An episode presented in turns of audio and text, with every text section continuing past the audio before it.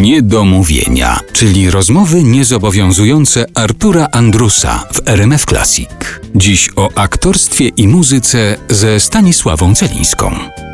Już wiemy, że jeżeli ktoś chce takiej terapii piosenkami Stanisławy Celińskiej, to po prostu sięga po płytę i słucha tych piosenek i jest sporo takich ludzi. A chciałem zapytać, co jest dla Pani terapią w takich no, trudnych chwilach, czy chwilach smutku, jeżeli chodzi o muzykę? Czy Pani też sięga po jakąś muzykę, kiedy Pani potrzebuje takiego wsparcia, pomocy, terapii? Lubię słuchać Cezarii Jawory, nie powiem, że nie, że nie lubię, tak? Lubię słuchać Miecia Szcześniaka i jego ostatniej płyty właśnie z wierszy księdza Twardowskiego. Lubię też posłuchać muzyki poważnej. Mam dosyć sporo różnych płyt, nawet kaset jeszcze. Na działce mam jeszcze odtwarzacz do kaset, więc tam muzyka, no właściwie głównie można powiedzieć poważna. Ostatnio no, zachwyciłam się znowu po raz któryś Lacrimozą Mozarta, wiadomo. Jest to dla mnie e, no, niesamowita terapia, ale też pamiętam, że muzyka e, była dla mnie zabroniona, kiedy umarła moja ukochana babunia, która mówiła właśnie do mnie, Stasiunka, nie mogłam słuchać w ogóle muzyki, po prostu bez przerwy płakałam i to było za dużo, a chciałam być dzielna. Teraz wiem, że łzy są potrzebne i kiedy ludzie przychodzą do mnie i mówią, że płaczą przy malinowej i atramentowej, to ja mówię, to dobrze bo trzeba się wypłakać. Łzy są po to wymyślone, żeby płakać, żeby wyrzucić z siebie cały ten niepokój, który nas dręczy. Pani powiedziała też kiedyś e, w jakiejś rozmowie: Jestem dziewczyną z Pragi, Pragę mam we krwi.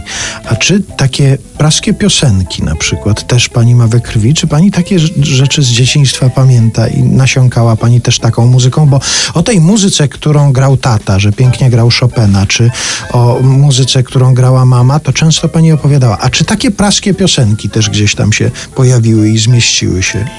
Przede wszystkim ja mówię twarde L Lypa, normalnie, tak. I pamiętam w szkole teatralnej profesor Tymowska uczyła mnie dykcji. I mówiła, Stasiu, no lipa, nie lypa. A ja w ogóle nie miałam tego świadomości. I teraz, kiedy jadę taksówką i on mówi do mnie właśnie takim, to ja mówię, o pan z Warszawy. A skąd pan wie? Pan L ma twarde. Były takie fajne zabawy na płycie Czarniakowskiej i tam się śpiewało różne piosenki właśnie, typu właśnie praskie, stare, Ferajna, Nagnojnej, czy takie no, różne przyśpiewki, Czarna Mańka, bo to chyba też albo, albo to się mylę, albo to jest płyta Czarnia, albo to jest Czarniaków. Niemniej ta stara Warszawa też w moich uszach e, brzmi.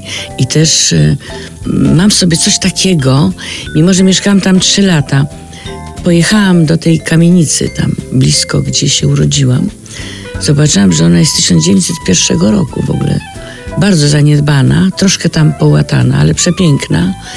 Jakoś tam się tak swojsko czuję. Był moment, kiedy mieszkałam na Waszyngtona po drugiej stronie Wisły i takie zdarzenie śmieszne, wchodzę do windy i Haśpani mówi, no to mamy teraz panią u siebie inni warszawiacy, dużo takich starych warszawiaków i takich, co tym się nie podskoczy. Nie? Więc taką dziewczynę z Pragi mam w sobie. Jak ktoś mi za bardzo podskakuje, no to wtedy, wtedy się robię mocna z, z Pragi i wtedy mówię, jestem dziewczyną z Pragi i tutaj uważaj na mnie, bo ja mogę przyłożyć.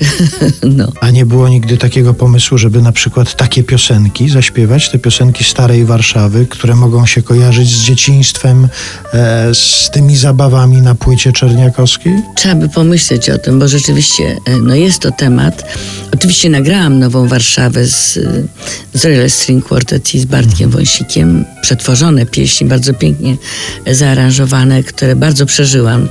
Teraz też będę śpiewała właśnie na stadionie Warszawoma, czyli gdzieś e, to wszystko tam w środku jest. Może to, może to jest pomysł dobry.